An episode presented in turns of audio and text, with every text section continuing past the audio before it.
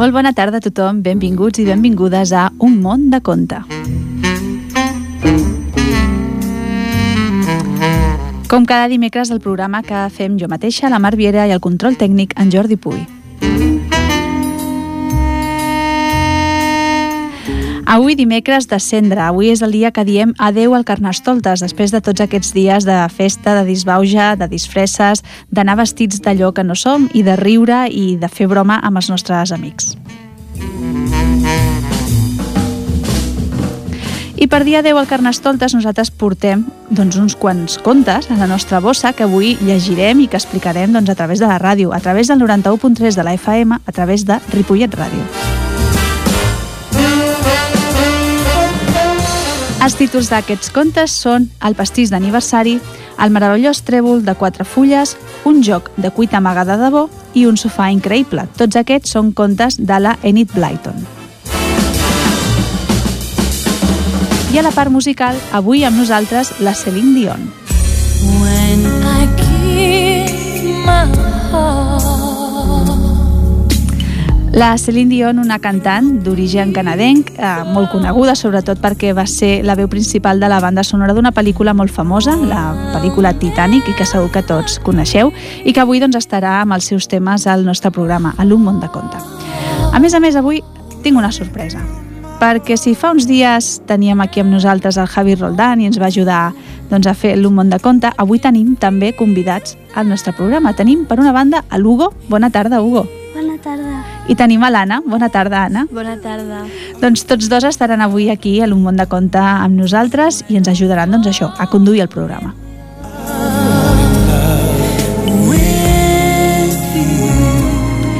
Doncs abans de començar amb els contes i abans de començar a parlar amb l'Hugo i amb l'Anna, doncs us vull parlar una miqueta de l'autora dels contes que portem avui. Els contes que explicarem són de la Enid Blyton eh, i a més a més us vull explicar eh, doncs, bueno, una enquesta que es va fer fa poc al Regne Unit i que va donar a la Enid Blyton com a la eh, escriptora més coneguda o més popular dels, del, del Regne Unit, per sobre de l'escriptora de Harry Potter, la, la creadora de Harry Potter, la Rowling, i per sobre del Roald Dahl, que és l'autor del Charlie la fàbrica de xocolata. Doncs bé, la Enid Blyton ha venut més de 500 milions de, de llibres a tot el món i tot i que hi ha crítics que, bueno, doncs que no estan massa a favor del to dels seus llibres, doncs aquests continuen estant enormement populars i venen més de 10 milions de còpies l'any, traslladant els lectors a un món passat amb nens despreocupats i adults doncs, una miqueta estrictes. La veritat és que el director de Brand Development, que és qui va fer eh, o qui té els drets de Blyton, diu que estan encantats amb que el públic britànic l'hagi votat com l'autora més, més estimada o la més popular, perquè d'alguna manera doncs, els seus contes o els seus llibres doncs, continuaran vius eh, bueno, malgrat el temps que hagi passat i encara són doncs, ferms preferits del, del públic. Els tres primers eh, llocs de la llista els tenen autors per nens, no? doncs dèiem l'Enid Blyton i altres. I també tenim escriptors de l'alçada de, de la Jane Austen, que es col·loca a la quarta posició, i el Shakespeare, doncs, que és el cinquè. Bé, doncs espero que els contes que portem avui de l'Enid Blyton doncs, la facin conèixer una miqueta més i que us agradin, sobretot.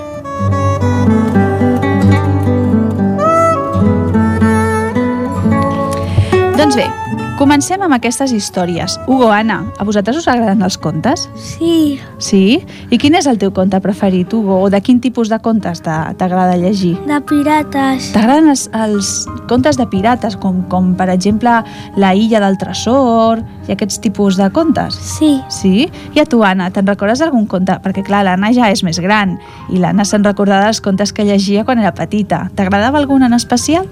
Sí, bueno, la Blancaneus, la Bella Dorment, contes infantils a les nenes petites. Uh -huh.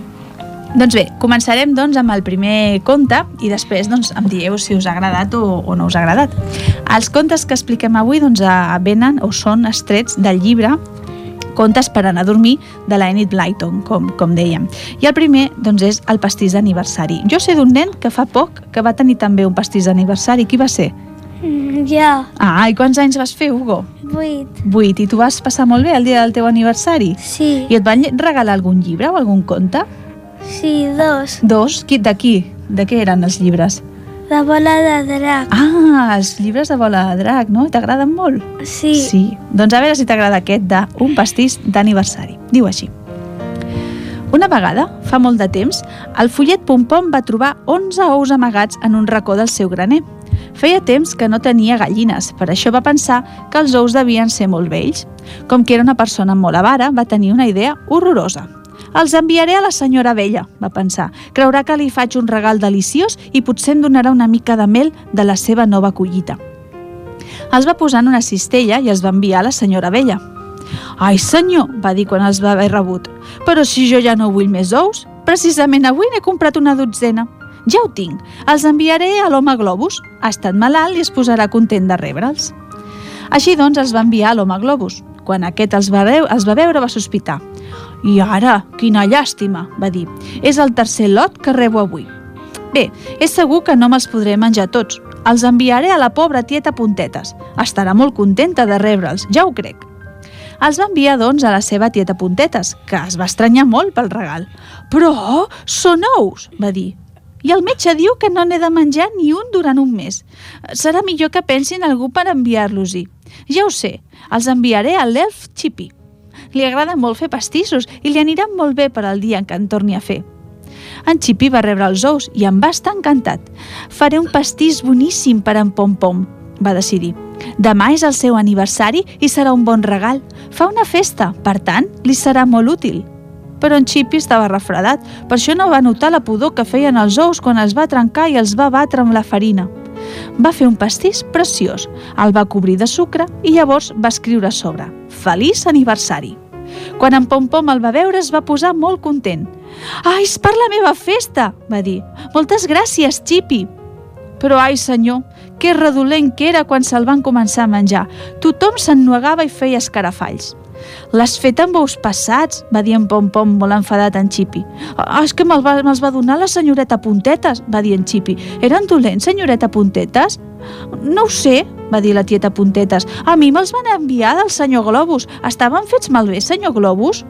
No ho sé, la senyora Vella me'ls va regalar. Estaven fets malbé, senyora Vella? No, no ho sé, va dir. Va ser un obsequi del mateix pom-pom. Si eren dolents, ell solet ha fet malbé el seu pastís d'aniversari. Ja li està bé. I jo crec que en realitat va tenir el que es mereixia, oi? The whispers in the morning Of lovers sleep and tight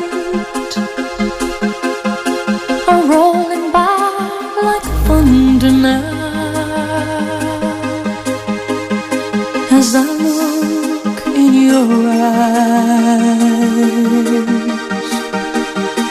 I hold on to your body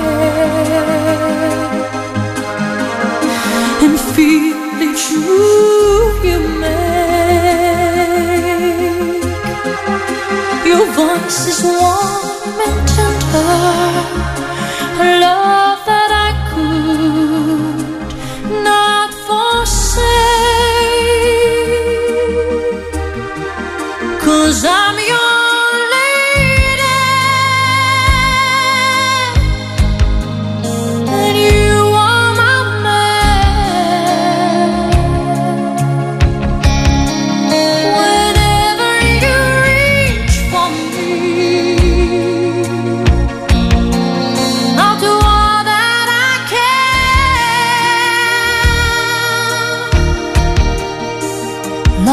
how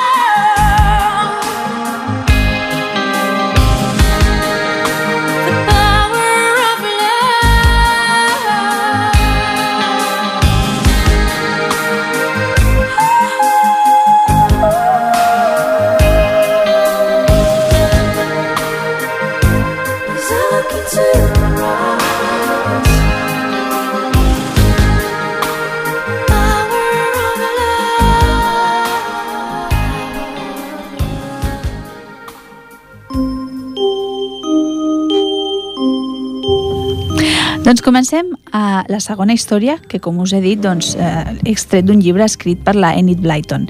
I el- l'Hugo m'ajudarà amb el títol del, del conte, oi que sí? Em dius com es diu el, el següent conte, Hugo? El, ma el meravellós trèvol de quatre fulles. I diu així. La Molly volia tenir una mica de bona sort, perquè feia molt temps que no en tenia. Les sumes li sortien malament, havia perdut el didal de plata, i el pitjor de tot, el seu gatet havia marxat de casa i no havia tornat. Tinc molta mala sort, va lamentar-se la Molly. Tant de bo tingués una mica de bona sort, mare. Busca un trèvol de quatre fulles, va dir-li la seva mare. Ja saps que porten bona sort. Ves al jardí, a veure si en trobes un. La Molly va pensar que era una bona idea. Va sortir a fora al jardí i es va seure damunt la gespa. Hi havia molts trèvols i va començar a buscar-ne un de quatre fulles. Va mirar per tot arreu i va trobar-ne més de 300, però tots eren de tres fulles. Quina llàstima. És hora de dinar, va dir la seva mare, i la Molly va entrar a casa. I doncs, has trobat algun trèvol de quatre fulles? va preguntar-li la seva mare. No, va respondre la Molly. Quina llàstima, vols dir que val la pena que continuï buscant? Pots mirar la part de baix del jardí, on hi ha aquells trèvols de color verd fosc. Potser allà en trobaràs algun de quatre fulles. Després de dinar, la Molly va continuar la recerca, fins que finalment en va trobar un de gran i d'esplèndid, que tenia quatre fulles. El va arrencar i va entrar a casa corrents. Visca! N'he trobat un! I ara què he de fer? Posa'l dins d'un llibre, va dir-li la seva mare somrient. A partir d'ara tindràs molta sort, Molly. La Molly estava posant el trèvol dins d'un llibre quan va sentir que una de les seves amigues la cridava «Molly, Molly, surt a jugar!» La Molly va tancar el llibre i va sortir a fora. Al jardí hi havia la Hilda, que li feia senyals.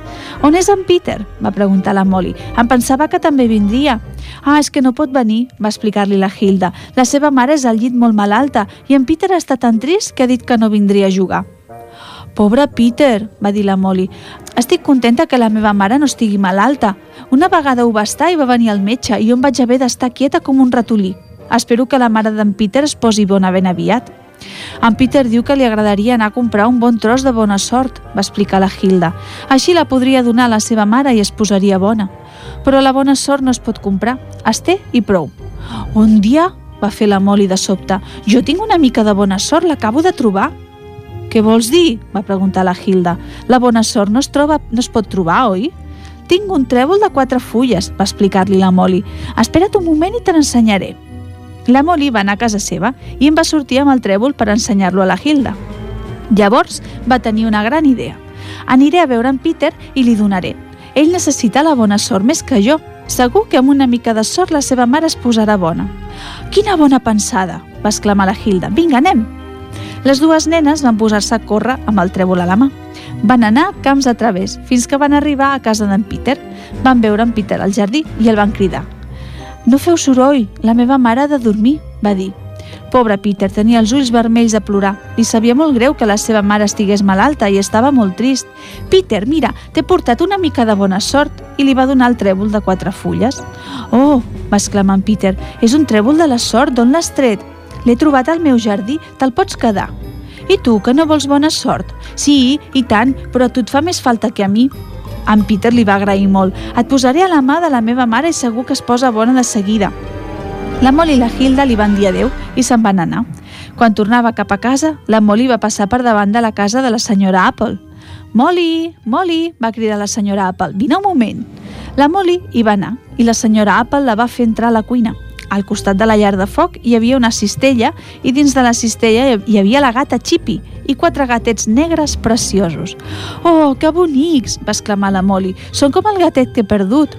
Si la teva mare ho vol, te'n pots quedar un. Ets una nena molt maca i t'agraden molt, molt els gatets. Per això m'agradaria que n'agafessis un. Ves a casa i pregunta-li a la teva mare». La Molly estava tan contenta, va anar corrents cap a casa i li va explicar a la seva mare que la senyora Apple li donaria un gatet. Jo em pensava que eres al jardí, va dir la mare. Què hi feies a casa de la senyora Apple? Per què hi has anat? Veuràs, mare, és que he anat a portar el meu trèvol de la sora en Peter. La seva mare està malalta i té tantes ganes que es posi bona. I quan tornava a casa, la senyora Apple m'ha vist i m'ha cridat «Quina sort, oi, mare? I què és estrany? He donat el meu trèvol en Peter i tot i així he tingut bona sort». La seva mare li va fer un petó i li va dir tenir bon cor porta més bona sort que un trèvol de quatre fulles. Ets una nena molt generosa i estic orgullosa de tu. Et mereixes tenir un gatet. Demà pots anar a buscar el gatet a casa de la senyora Apple. Te'l ben ben mereixes. Uh, Molly, jo també penso que se'l mereixia. I vosaltres?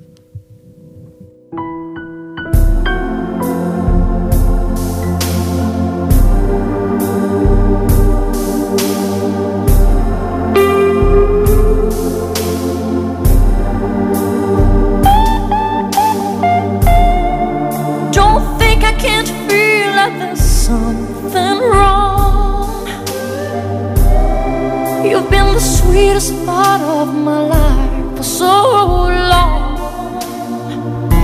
I look in your eyes, there's a distant light. And you and I know there'll be a storm tonight.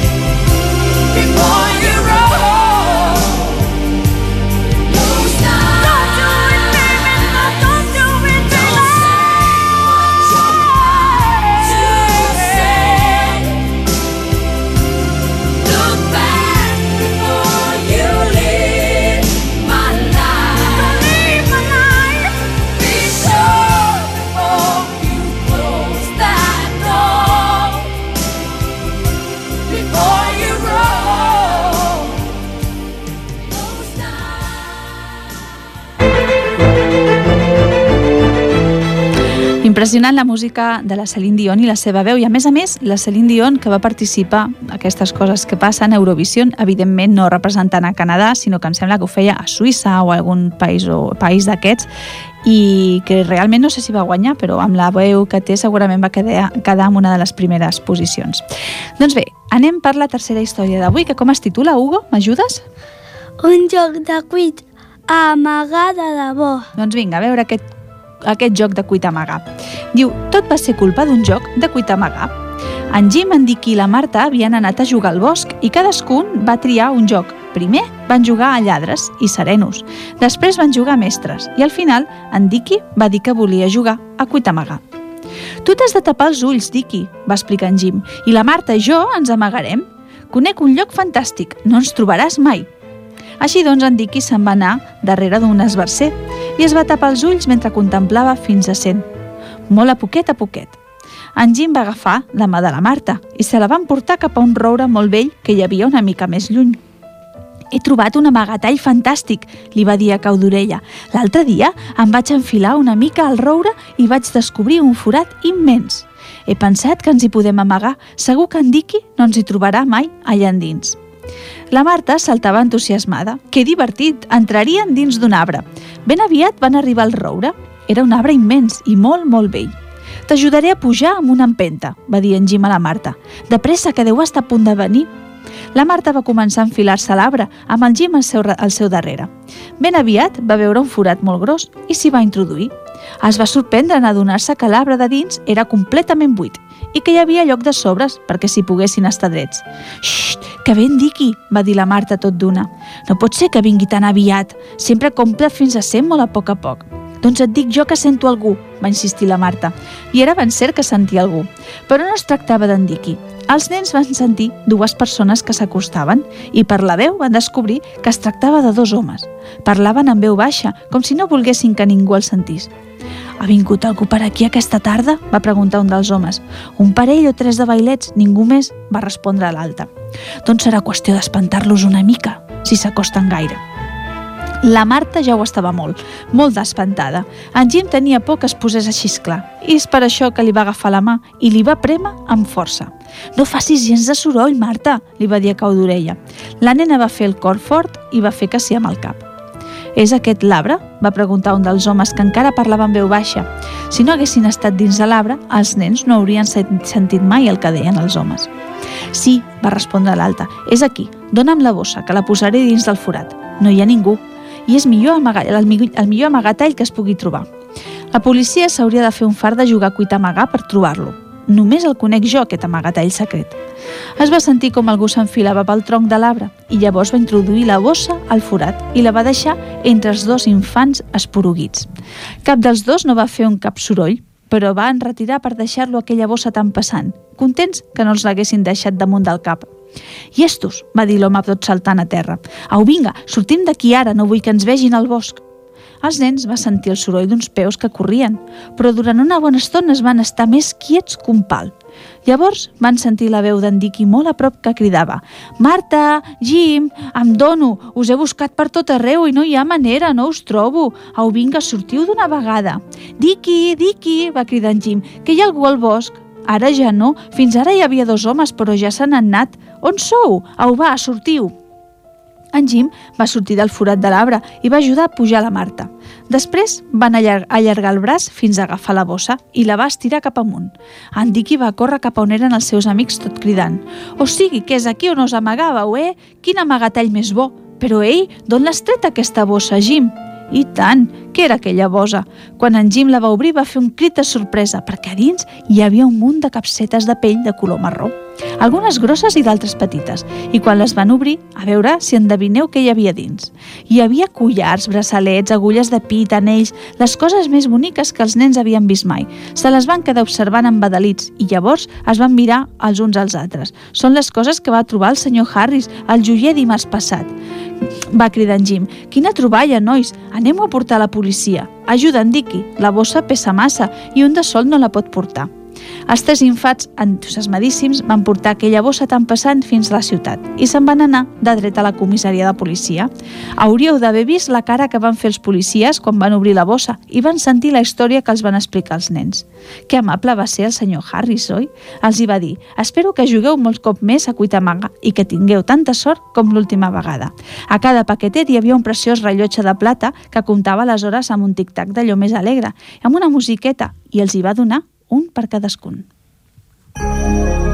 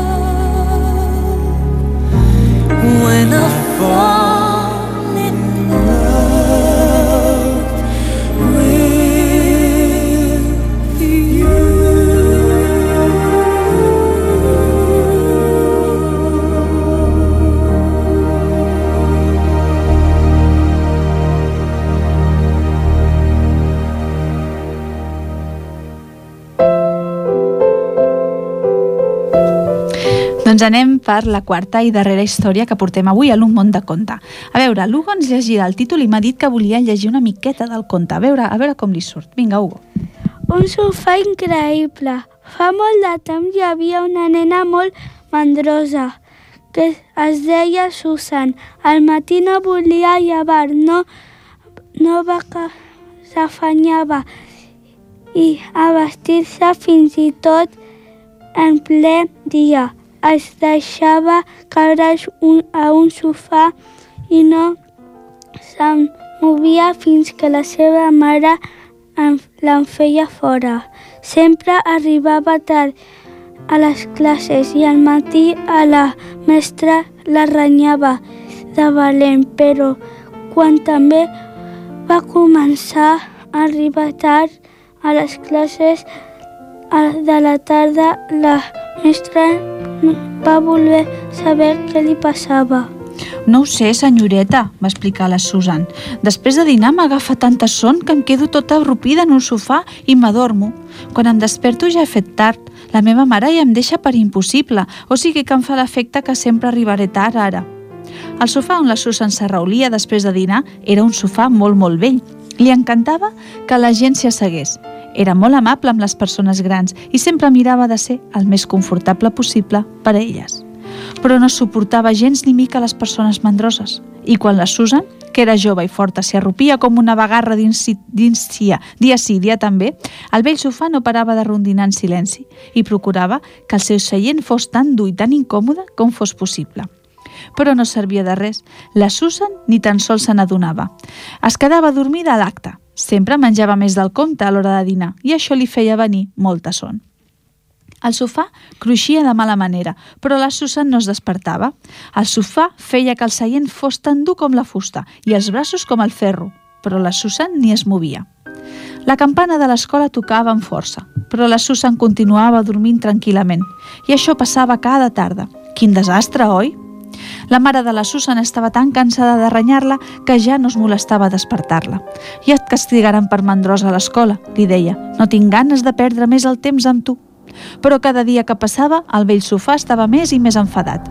Una tarda estava tan exasperat que va passar una cosa molt estranya. La Susan havia menjat un platàs de pastís de carn i havia repetit tres vegades de pastís de melassa. Com sempre, li va venir molta son i es va reulir al vell sofà. Es va dormir de seguida i fins i tot roncava una mica. Això ja passava de mida per l'antic sofà. Enfadadíssim va fer un cruixit i després un altre. Va començar a tremolar, va alçar una pota i la va deixar caure amb, una gran, amb un gran pataplaf a terra. Però la Susan continuava dormint. El sofà va donar un cop a terra amb una altra pota, però la, Su la Susan roncava suaument. Oh, Susan, nena entremaliada, desperta't abans que passi res greu. El sofà va perdre la paciència. Tinc quatre potes i quatre cames. Si em poden aguantar, també em poden servir per caminar. M'emportaré aquesta mandrosa a l'escola i a veure què diu quan es desperti allà. Dit i fet, el sofà va alçar primer una cama, després l'altra, i no va trigar gaire a sortir caminant per la porta de l'habitació, fent un fort catacroc catacroc a terra. La Susan continuava dormint tranquil·lament. Al sofà va arribar el rebador. La porta del carrer era oberta i en aquell moment el carter deixava una carta a l'estora. Va veure el sofà, va fer un crit de por i va fugir corrents. El sofà va fer un cruixit i va sortir per la porta del carrer. Tan bon punt va ser al carrer, tota la gent que passava pel seu costat esperava com si hagués vist visions. Es miraven al sofà, es donaven copets de colza quan veien la Susana dormida i es feien cara d'espantats. Però ningú, ningú no va mirar d'aturar el sofà fins que es va topar amb el senyor Ferri, el policia. El bon home va veure com el sofà se li acostava i es va quedar de pedra. Quan va arribar al seu costat fent clip-clop, amb els peus contra el terra, el policia es va aclarir la veu d'allò més educadament.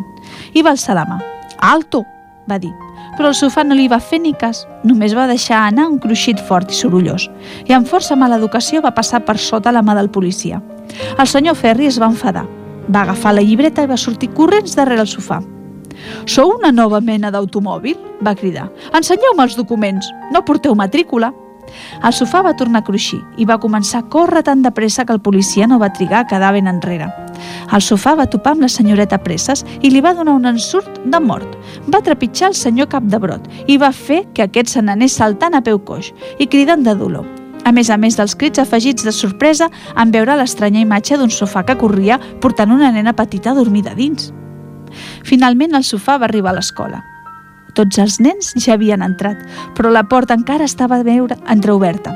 La mestra cridava els noms dels nens per veure si tots havien arribat a l'hora. Alice, Ben, Mary, Molly, Eric... Present, senyoreta Brown! Present, senyoreta Brown! cridaven els nens educadament cada cop que els deien el seu nom. I llavors la senyoreta Brau va arribar al nom de la Susan. Susan? Va cridar, i en aquell moment es va obrir la porta i va entrar al sofà amb la nena. Guaiteu, guaiteu, xisclaven tots els nens. La Susan ha arribat a l'hora. La portada al sofà. Dorm com un soc. Oh, dorm com un soc. Llavors, tots van esclatar a riure mentre envoltaven aquell sofà que no parava de cruixir i que ara es trobava al costat de la taula de la senyoreta Brown. La Susan es va despertar, ja que el soroll era gairebé ensordidor. Es va fregar els ulls i va mirar al seu voltant. Oh, va fer. "O- On sóc? M'he adormit. I com he vingut a parar a l'escola? T'hi ha portat, t'hi ha portat al sofà, t'hi ha portat al sofà, cridaven els nens tots saltant al voltant de la noia entusiasmats. Ell sí que estava de despert i t'ha portat fins aquí. Quina cosa més estranya, oi, Susan? La Susan es moria de vergonya, es va alçar del sofà, se'n va anar corrents cap al seu pupitre i s'hi va seure vermella com un tomàquet. Quan el sofà va veure que la, que la Susan ja seia al pupitre, va fer un cruixit com si volgués dir adeu i se'n va anar, cataclic, catacloc, cap a la porta. Es va esmunyir cap a fora i cataclic, catacloc, cataclic, catacloc, va tornar cap a casa sense fer cas de ningú. Per primera vegada, la Susan havia arribat a l'hora a l'escola. Every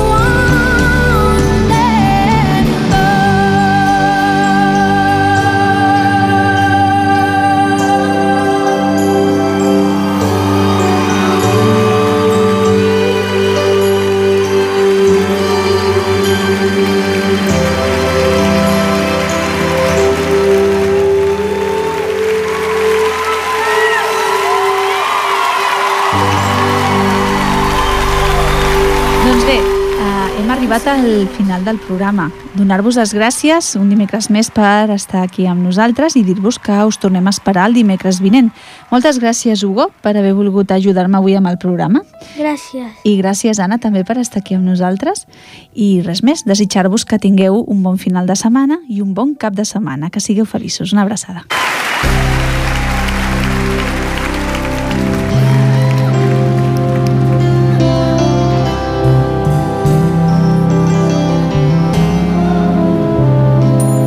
Figured it out. I was high and low and everything in between. I was wicked and wild, baby, you know what I mean. Till there was you, yeah, you. Something went wrong. I made a deal with the devil for an empty eye. Oh, been to hell and back, but an angel was looking through. It was you,